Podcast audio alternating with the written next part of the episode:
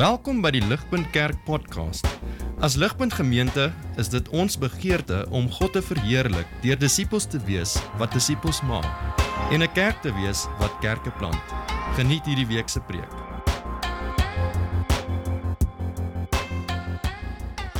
Ek weet nie of julle van spoegwol weet nie.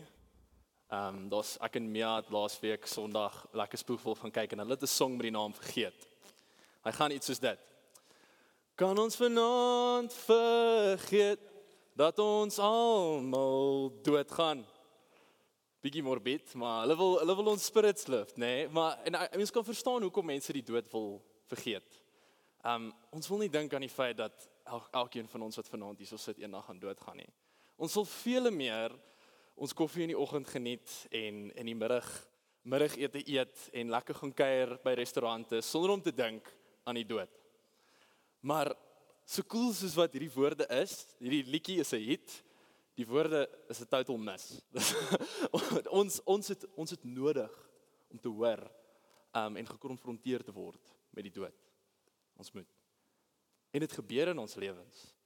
Um dis net so lank voordat 'n vriend van jou sterwe of 'n ouma siek word of jy gaan selfs eendag jou oë toemaak. So en hierso in Johannes 11 sien ons iets baie interessant. Want dis presies wat Jesus doen. Hy bring vir Martha en Maria en Lazarus om hierdie monster reguit in die oë te staar. En hy en hy doen dit met met opset. Hy wil iets hy wil iets vir hulle wys. En te midde van al die trane en die onverskilligheid en hulle wat nie verstaan die Lord if you'd been here my brother would not have died. Sê Jesus vir hulle die volgende woorde. Johannes 11 vers 25 tot 26. I am the resurrection and the life. Whoever believes in me, though he die, yet he shall live. And everyone who lives and believes in me shall never die. Do you believe this? Dis die vraag wat hy gevra het vir Martha. En dis die vraag wat hy vir elke liewe een van ons vanaand vra. Jesus sê hy is die een wat ons eendag uit die dood uit gaan opwek, maar nie net dit nie, hy kan nou al reeds ons opwek om vir ewig te lewe. Glo jy dit? Dis die Jesus, dis die vraag wat Jesus vir ons vra. En dis die vraag wat hy ons help beantwoord deur hierdie hele storie, hierdie hele hoofstuk vir ons te gee. En die eerste ding wat ons sien, soos wat ons deur hierdie hoofstuk so vinnig gelees het, is Jesus eerste punt, Jesus kon Lazarus genees het. Hy kon. Sy sissies het betyds vir hom woord gestuur dat hy dat hy sy hande, hy kon gou-gou oorkom, sy hande oplê soos enige ander keer. Hy het ewen een keer in in Lukas het hy iemand se seentjie van 'n afstand af genees. So wat was anders hierdie keer? Hoekom het hy nie hierdie keer net ingespring en gehelp nie? Wat het Jesus gestop om nie Lazarus te genees nie? Dat hy hom hy was hy was 3 dae siek, nog 'n vier, verdere 4 dae in 'n graf opgesluit. Hoekom hoekom sou Jesus toegelaat het dat Lazarus doodgaan? Jesus gee vir ons die antwoord aan die heel begin van die hoofstuk. Ek weet nie of julle opgelet het. Um, Johannes 4, vers 4, hoor wat sê hy. But when Jesus heard it, he said, This illness does not lead to death, for it is for the glory of God, so that the Son of God may be glorified through it. In hierdie geval sou dit Jesus meer verheerlik om nie dadelik te genees nie, maar te weerhou, om te weerhou. Vir God se doeleindes, gedoel se doeleindes moes die genesing weerhou geword het van hierdie dodelike siekte om iets te kom wakker maak in Martha en Maria en die mense wat dit wat daai opstanding gesien het van Lazarus en wat Jesus gesê het om iets te kom verander in hulle, iets te begin. En en of dit nou was om hulle geloof te begin vestig of aan te hou vorm. Hier's hier's iets anders wat hier gebeur het. My ek het 'n oom wat ehm um, kanker gediagnoseer is met kanker laas jaar. En jy sê kan nie vir julle sê hoe dit is om te sien hoe iemand so agteruit gaan nie so maar word nie. Daar's soveel komplikasies wat saam met kom. En my ouma Groetjie het al jare gebid vir hierdie oom se bekering, jare. Sy het ook al sy bid heel waarskynlik vir sy hele gesin ook, maar um en ek gaan kuier vir af en toe vir hom hier by Wilgers Hospitaal terwyl hy behandeling kry met die kanker. En ek kan nie vir julle sê hy hy het so 2 weke terug, toe kyk hy my in die oë en hy sê vir my Rickert, werk jy nog steeds daar by die kerk? Ek sê ja, ja, ek doen. Hy sê, "Dis goed. Daai is die belangrikste werk wat enigiemand kan doen. Jy beter aanhou met dit." waar waar kom dit vandaan? Ek ek praat met my ouma grootjie nou die dag. Sy sê vir my, sy sê vir my, sy het nog nooit gesien dat hy en sy hele gesin ewe skielik die Here so aangryp nie. Nie net vir sy genesing nie, maar vir sy redding. Dat hy tot Jesus moet kom. Dat sy salig dat sy saligheid se keer moet wees. So wat ons sien deur deur hierdie en deur wat gebeur het met Lazarus, is as ons eerlik is, dis maklik om dood en siekte te vergeet totdat ons met dood en siekte getref word. So maklik. Siekte het die vermoë om ongelowiges te dryf op hulle knieë. 'n Afsterwe van 'n geliefde forceer die familie om te dink oor die doel van hierdie lewe en die lewe hierna. Um en en so word sien ons die dood so word gebruik sodat mense die ewige lewe kan vind. Siekte word gebruik sodat mense die geneesheer kan aangryp. Dis dis net God wat sulke slegte goed kan gebruik en dit uitdraai vir die goeie, iets wat soveel beter is. En in die lewe van gelowiges is daar baie keer wat hierdie presies hierdie selfde waarheid geld. Wanneer een of ander genesing weerhou word of 'n dood of 'n dood van 'n geliefde oor ons pad langs kom. Die Here gebruik dit om in daai situasie ons nader aan hom te trek, meer afhanklik van hom te maak. En net soos wat ons gesien het met my oom en wat ons nou gaan sien hierso met Lazarus. So deur middel van siekte en dood, pyn en lyding, ongerief en ongemak ontvang Jesus die ideale staanplek om ons te konfronteer met hierdie vraag. Punt 2. Ek is die opstanding en die lewe. Glo jy dit? Ek is die opstanding en die lewe. Glo jy dit? Deur Lazarus se dood kon Martha gekonfronteer word met Jesus se vraag deur my oom se se kanker. Um, kon sy vriende en hoe hy self met die waarheid van Jesus gekonfronteer word wat hulle otherwise nie meer sou bother nie.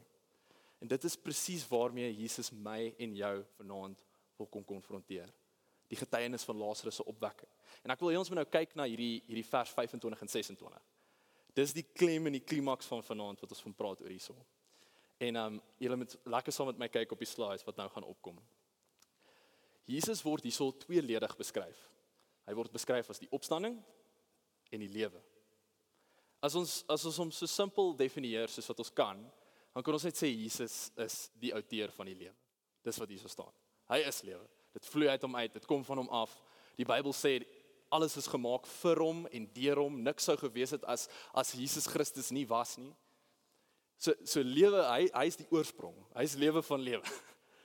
Maar in die meer komplekse sin kan ons hierdie hierdie frase in twee dele opbreek. Jesus is die lewe en Jesus is die opstanding. Jesus is die opstanding en Jesus is die lewe. En ons gaan eerstens kyk na Jesus is die opstanding. Apart van hom sal niemand uit die dood uit opstaan nie. Kyk hoe sê hy dit hierso. Whoever believes in me, believe though he die, yet he shall live. Elke persoon wat glo en vertrou in Jesus vir redding, sal nooit ooit doodgaan nie. Dit beteken as Jesus eendag weer kom, gaan jy 'n verheerlikte liggaam ontvang, net soos wat hy ontvang het toe hy die dood uit opgestaan het sonder sonde, pyn, siekte, dood of trane. Ek wonder of ek ook hierdie heupe gaan hê op daai liggaam. Ek weet nie. Ek hoop nie so nie, maar die Here se wil sal geskied. Maar een wat nooit weer kan doodgaan nie. Hoor gou wat sê Paul Washer in sy boekie The Gospel of Jesus Christ. The resurrection is proof of the believer's future resurrection. In John 11 verse 25, Jesus declared, I am the resurrection and the life. He who believes in me, though he may die, he shall live.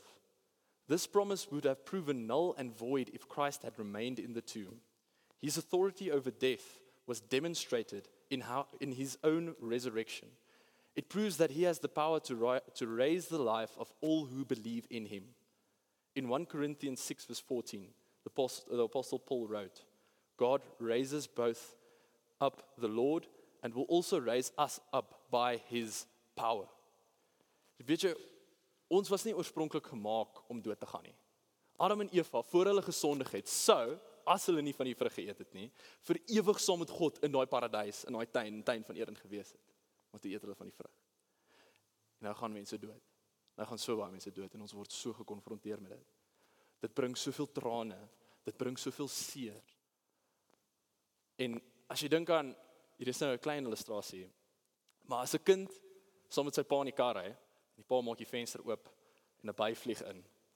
Daai klein kind as hy 3 jaar oud is en hy sien hierdie by en hy hoor die by bzz, Hy is verskriklik bang. Hy begin huil. Hy hy hy weet hierdie baie die moontlikheid om hom te steek. Maar wat dink julle sal gebeur as die pa oor hom leun en hy gryp die by met sy hand? Wel, nie net gaan die die by gaan die by gaan hom steek, maar hy gaan ook selfs sommer dalk die by dooddruk. En dan kan hy nou kyk na die kind en hy kan die as die kind nou nog verder huil en worry oor hierdie by wat hom gaan steek en hierdie hierdie by kan selfs nog lewendig wees in sy sy vlerke flapper. Die kind hoef nie meer bang te wees nie. Pa kom sê seun, dis oukei. Okay. Ek ek het die angel, die by het net een angel. Ek hy het uit my gesteek. Dis oukei. Okay. En is dit nie bemoedigend vir ons as gelowiges nie? Is dit nie bemoedigend dat Jesus deur die opstanding nie net hy hy staan nie net self op nie. Ons gaan ook eendag opstaan. Dit behoort hierdie skaduwee van dood wat konstant oor ons kon hang het. Ons kon so bang gewees het, gevrees het dat eendag gaan ek ook sterwe. Die die dood het sy almal verloor. Hy kan ons nie meer seermaak nie. Want Jesus het die hierdie dood oorwin en nie net die dood oorwin nie. Hy is die hy is die opstanding en hy gaan ons ook eendag opwek. Hoor wat sê Jesaja 25 vers 8. He will swallow up death forever, and the Lord God will wipe away tears from all faces. And the reproach of his people he will take away from all the earth, for the Lord has spoken. Hierdie het God gesê deur die profeet Jesaja 600 jaar voor Jesus gekom het. As gelowiges kan ons elke dag lewe met die wete dat ons nie 'n dag nader is as ons dood nie. Ons is 'n dag nader aan aan saam met Jesus wees vir ewig, opstaan uit die dood uit met 'n nuwe liggaam. Dit behoort ons te laat jubel en juig en bly wees. Elke keer wat ons saamkom, elke keer wat ons opstaan die oggend, dat ons eendag vir ewig gaan opstaan. It's amazing. Die tweede deel. Jesus is die lewe. Jesus praat nie net van enige lewe hierson nie. Hy praat van ewige lewe. Hoe sê hy dit in vers 26? Hy het gesê I am the life. En dan sê hy everyone who lives and believes in me shall never die. As jy nou lewe en glo, begin jou ewige lewe. Jou ewige lewe begin die dag wat jy jou vertroue plaas in Jesus Christus om jou te red van jou sonde deur sy kruisdood aan die uh, aan deur sy dood aan die kruis op by Golgotha. Dis wanneer jou ewige lewe begin.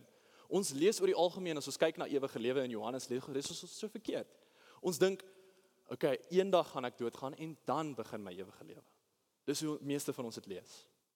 Maar as ons kyk in Johannes se evangelie en hoe hy oral kyk en praat van die ewige lewe en hoe Jesus gepraat het van die ewige lewe, sien ons 'n ander storie. Hoor wat sê Johannes 5 vers 24. Jesus se woorde.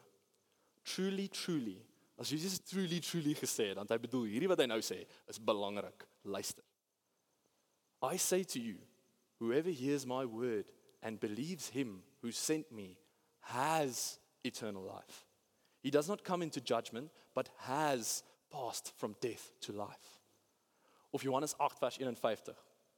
Truly, truly, I say to you, if anyone keeps my word, he will never see death. Dit is dis 'n amazing woord vir ons vir vanaand. Want kom ek sê vir julle wat die ewige lewe is. Jesus het in 'n gebed van hom gesê in Johannes 17 vers 3 And this is eternal life that they know you the only true God and Jesus Christ whom you have sent. Dis wat ewige lewe is. Net soos wat Adam en Eva gesondig het en dit het hulle gebring in die dood in. Hulle was nie hulle was nie net gesit op 'n koers waar hulle eendag gaan doodgaan en sterf nou as gevolg van hulle sonde nie. Hulle was gesit op 'n koers waar hulle geskei is van God en nie meer in gemeenskap met hom kan wees nie. So die ewige lewe is baie meer as om net vir ewig hierso te wees. Dis om saam met God te wees. Dis om die volheid van God te ken, te kan begryp en te kan sien. Dis wat die ewige lewe die ewige lewe is. Dis dis wat dit is vir my en jou vanaand. En as jy jou geloof jou geloof plaas in Jesus Christus vir redding, begin dit nou, gevat jou deur die dood en dit hou vir ewig aan. Dis wat ewige lewe dit is. En weet jy, dis hoekom ons almal vanaand hierso by mekaar kom. Dis hoekom ons mekaar aanspoor om God se woord te lees. Dis om ons gebedsaande hou en en as ons hoekom ons weet as gelowiges, Jesus, ons moet meer uitkom by Jesus. Want as ons nie uitkom by hom nie, gaan ons nie meer kan ervaar wat dit is om vir ewig te lewe nie. Ons gaan nie meer 'n dieper kennis in ons harte regtig kan kry van wie hy is nie. Dis hoekom Jesus toelaat dat die pyn en seer soos wat my oom en soos wat Lazarus deurgaan, dis hoekom hy dit toelaat om ons pad langs te kom, want vele meer sal hy toelaat dat jou tydelike liggaam vergaan sodat jy vir ewig gewen kan word. Vele meer. In Markus 8 sê Jesus se woorde, hy sê oor, hy sê what does it profit a man he gains the whole world but he loses his own soul. Wat help dit jy kry al daai dinge, kom jy hier is, jy probeer van die dood vergeet en jy jy jy jaag geld na, jy jaag hierdie leefstyl na waar jy, ek weet nie, Instagram meer likes, ons almal hou van die aandag. Jy jaag al hierdie goed na wat leeg is. Die antwoord lê nie daar nie. Dit lê by Jesus. Dis alwaar ons dit gaan kry. Ewige lewe. Dis waarvoor ons gemaak is. En net so 'n bietjie konteks. Um vir my laaste punt. As ons kyk na Johannes se evangelie, hy het baie daarvan gehou om tekens en dit wat Jesus sê of dit wat Jesus leer bymekaar te sit. Hy het dit gelief. Hy het gesê hy's die brood van die lewe en toe gaan hy voort en hy gee vir 3000 mense of 1000 mense, kan nie meer onthou nie, brood. in Johannes 6. Of in hoofstuk 8 sien ons dat hy dat hy sê hy is die lig van die wêreld. Ek is die lig van die wêreld. In die volgende hoofstuk gaan hy en hy maak hy se oë oop. Nou, vanaand wat ons nou kyk, sê hy ek is die opstanding en die lewe.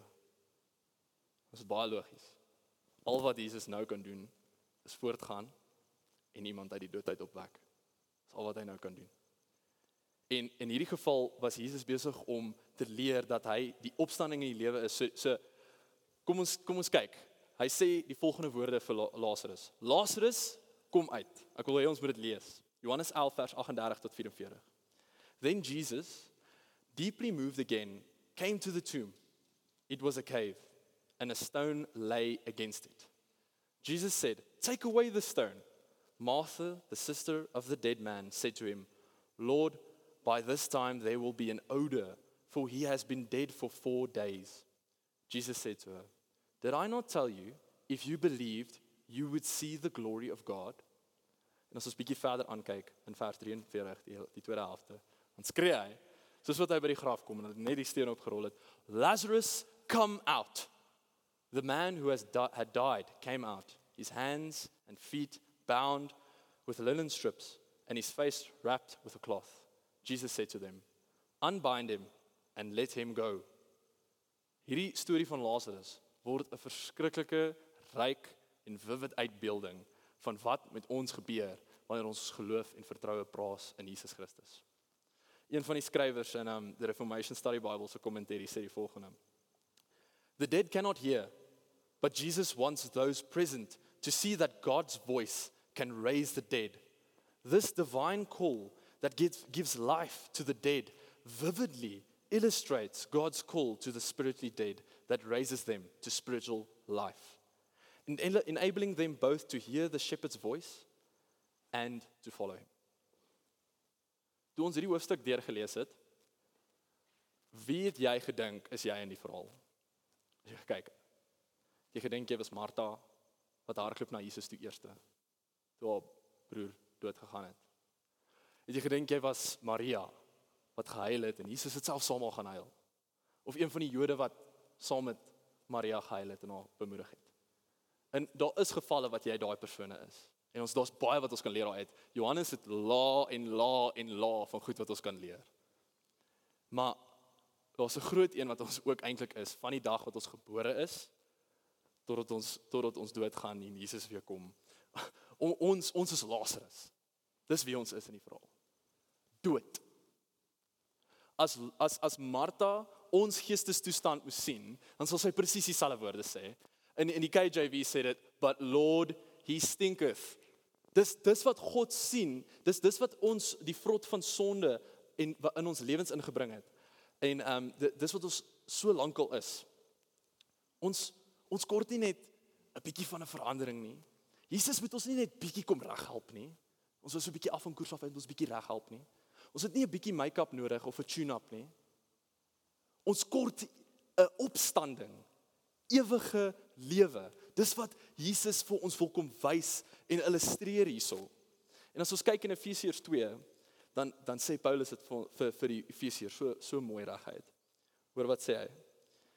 And you were dead in the trespasses and sins in which you once walked, following the course of this world, following the prince of the power of the air, the spirit that is now at work in the sons of disobedience, on, on, among whom we all once lived in the passions of our flesh, carrying out the desires of the body and the mind, and were by nature children of wrath like the rest of mankind.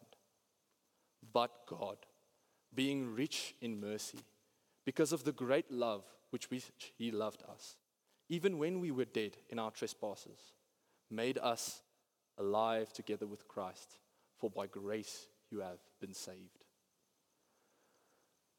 In ons natuurlike toestand, in ons sondigheid, soek ons nie vir God nie. Ons wil nie na hom toe draai nie. Ons soek nie 'n verhouding met hom eintlik nie. Ons dis nie net ons hom nie soek nie, ons is selfs vyandig teenoor hom. En hierdie is selfs die waarheid vir gelowiges wat vanaand hierso sit.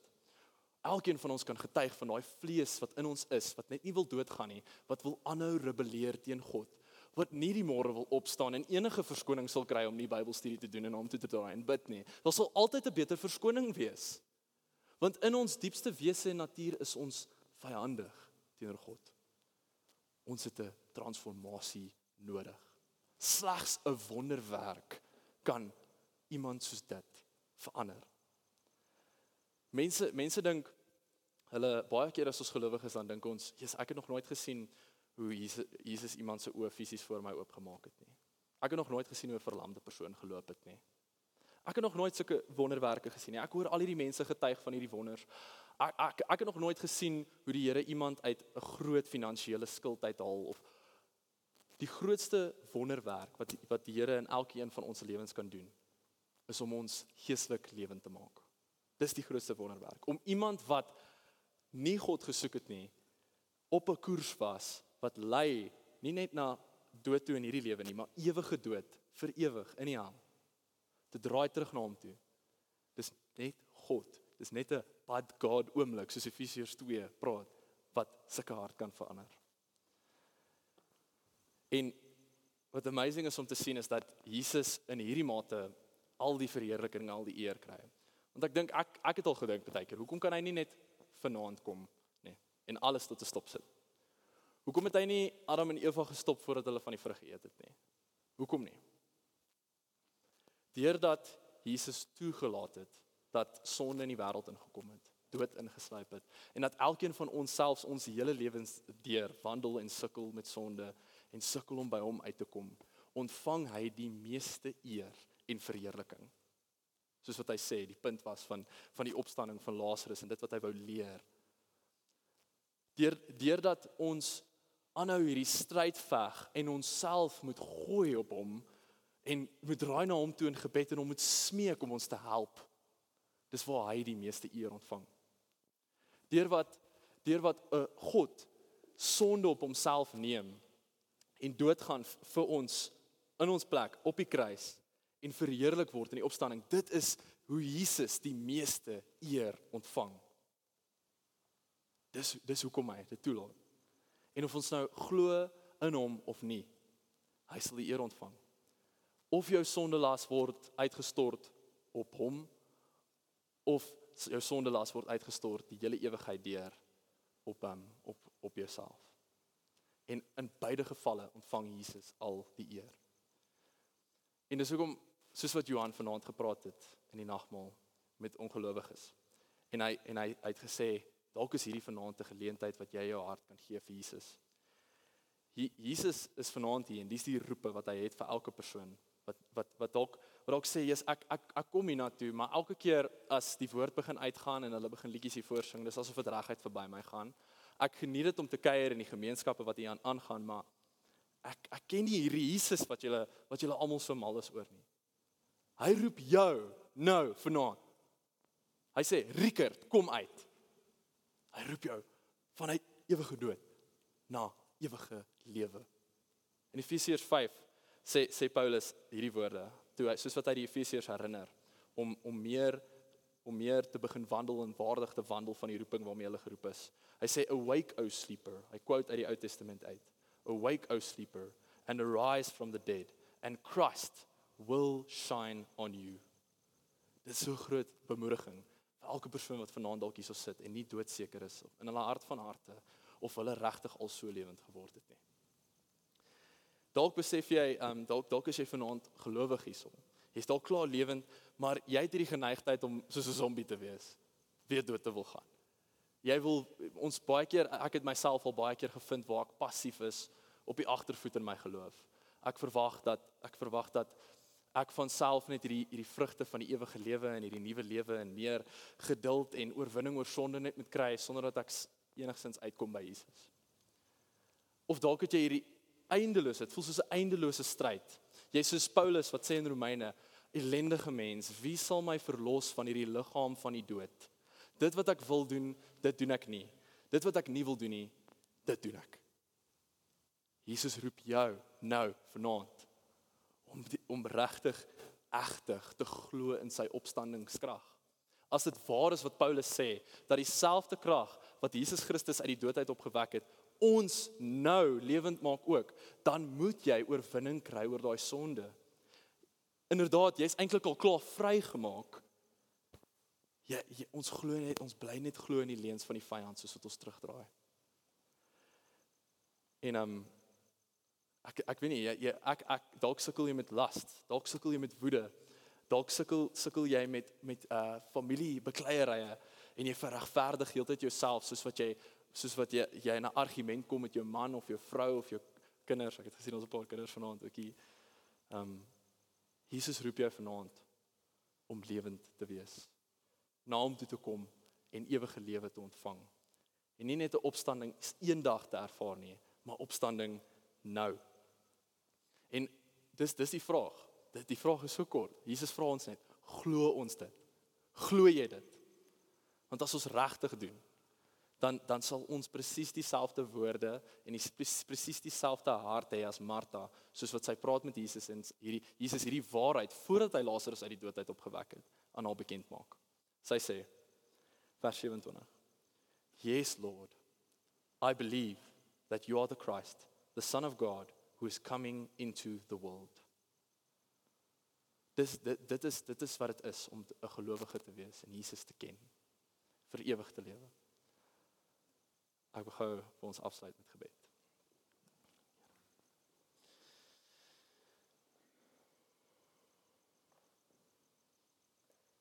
Hemelse Vader, ek dank U dat U U seun gestuur het omdat U die, die wêreld so lief gehad het dat dat U seun gestuur het sodat ons nie vir ewig hoef dood te gaan nie, maar die ewige lewe kan ervaar. Dat ons U mag ken. En Here, ek ek wil vra dat u die die harte en die mense wat vanaand hierso sit wat dalk wonder of hulle werklik gelowig is, se harte sal open, sal u gee dat hulle nie vanaand hulle harte sal verhard nie, maar dit na u toe sal draai en dit vir u sal gee. Vader, ek wil vra dat u gelowig is wat hierso sit en ek self, Here, ek wil vra dat u ons genadig sal wees en ons sal kom seën met wat dit beteken om u te ken en vir ewig te lewe. Here, ons sukkel so met sonde en dit kry altyd so hou vas op ons, maar Vader, U roep ons vanaand nou om op te staan uit die dood uit, om op te staan weg van daai sonde af, Here. En ek weet, ek prys U dat vir elke val in sonde is daar meer as genoeg genade om ons te vergewe, maar daar's ook meer as genoeg krag, Here, om om ons te help om dit te oorwin. Sal U ons genadig wees, Here, en ons kom vrymaak. Ons oë kom oop in ons harte, Here sodat sodat ons werklik sal weet wat dit beteken om om om God te ken en vir ewig te lewe. Dankie Here vir u opstandingskrag. Dankie vir u opstanding en dankie vir die sekerheid wat ons kan hê dat u red gelowiges. Ek bid dit in Jesus naam. Amen. Vir meer inligting oor Ligpunt Kerk, besoek gerus ons webwerf op www.ligpunt.com of kontak ons gerus by info@ligpunt.com.